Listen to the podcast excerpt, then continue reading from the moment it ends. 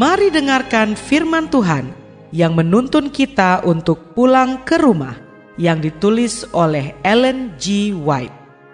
Melalui renungan pagi ini, kita akan belajar untuk berani menghadapi masa depan karena kita tidak lupa pimpinan Tuhan di masa yang lalu. Bersama Pendeta Andre Daimbani, selamat mendengarkan. Shalom, selamat pagi saudaraku.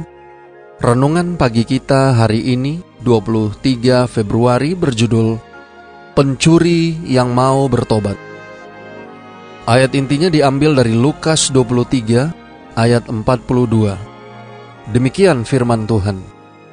Yesus, ingatlah akan aku apabila engkau datang sebagai raja.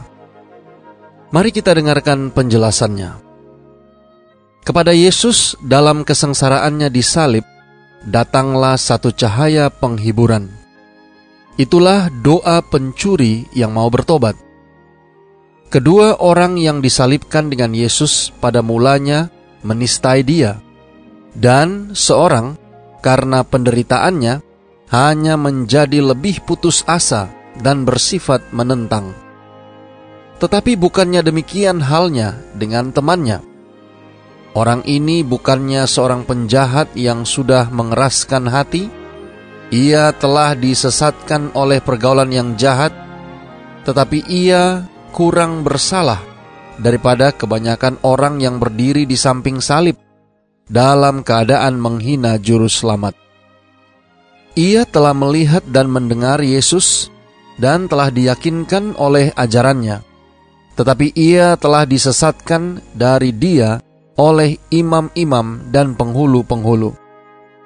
Dalam usahanya hendak mematikan keyakinannya, ia telah tenggelam lebih dalam dan lebih dalam ke dalam dosa, sampai ia ditahan, diadili sebagai seorang penjahat, dan dijatuhi hukuman mati di salib.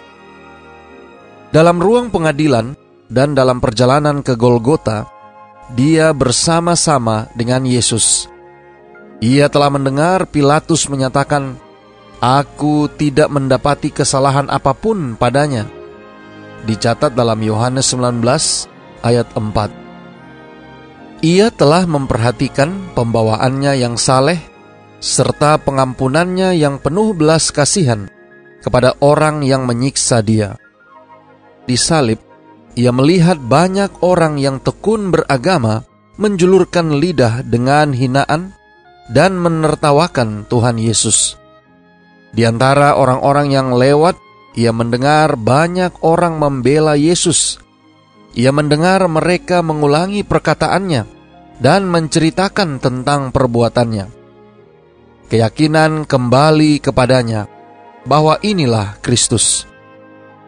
Sambil berbalik kepada temannya sesama penjahat, berkatalah ia, "Tidakkah engkau takut juga tidak kepada Allah, sedang engkau menerima hukuman yang sama.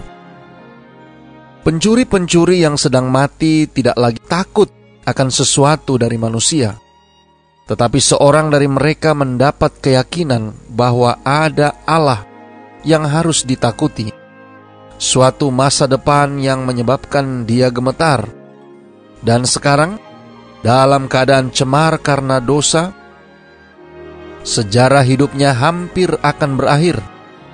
Kita memang selayaknya dihukum. Ia menyesali karena kita menerima balasan yang setimpal dengan perbuatan kita. Tetapi orang ini tidak berbuat sesuatu yang salah. Saudara-saudara yang kekasih di dalam Tuhan, Roh Kudus menerangi pikirannya, dan sedikit demi sedikit rantai bukti bukti dihubungkan bersama-sama. Dalam Yesus yang sudah dihancurkan, diejek, dan digantung di salib, ia melihat anak domba Allah yang mengangkut dosa dunia. Harapan bercampur dengan kesengsaraan dalam suaranya ketika jiwa yang tidak berdaya dan sedang mati itu menaruh harapnya pada juru selamat yang hampir mati. Yesus ingatlah akan aku, serunya, apabila engkau datang sebagai raja. Dengan cepat jawabnya datang.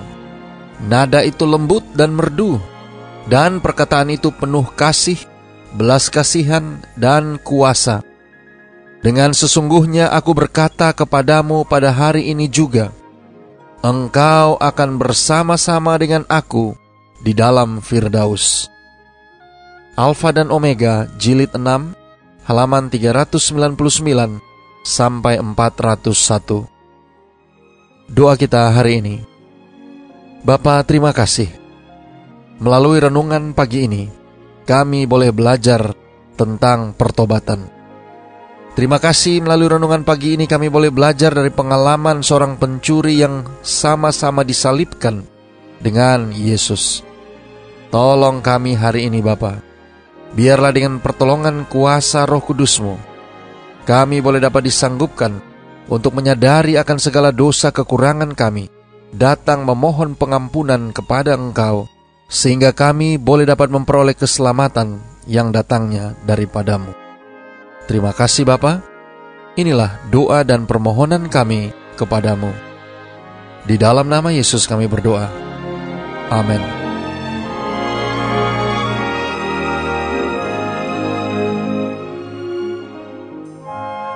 Demikianlah tadi pembahasan tentang pulang ke rumah. Semoga firman Tuhan hari ini dapat menjadi berkat bagi Anda.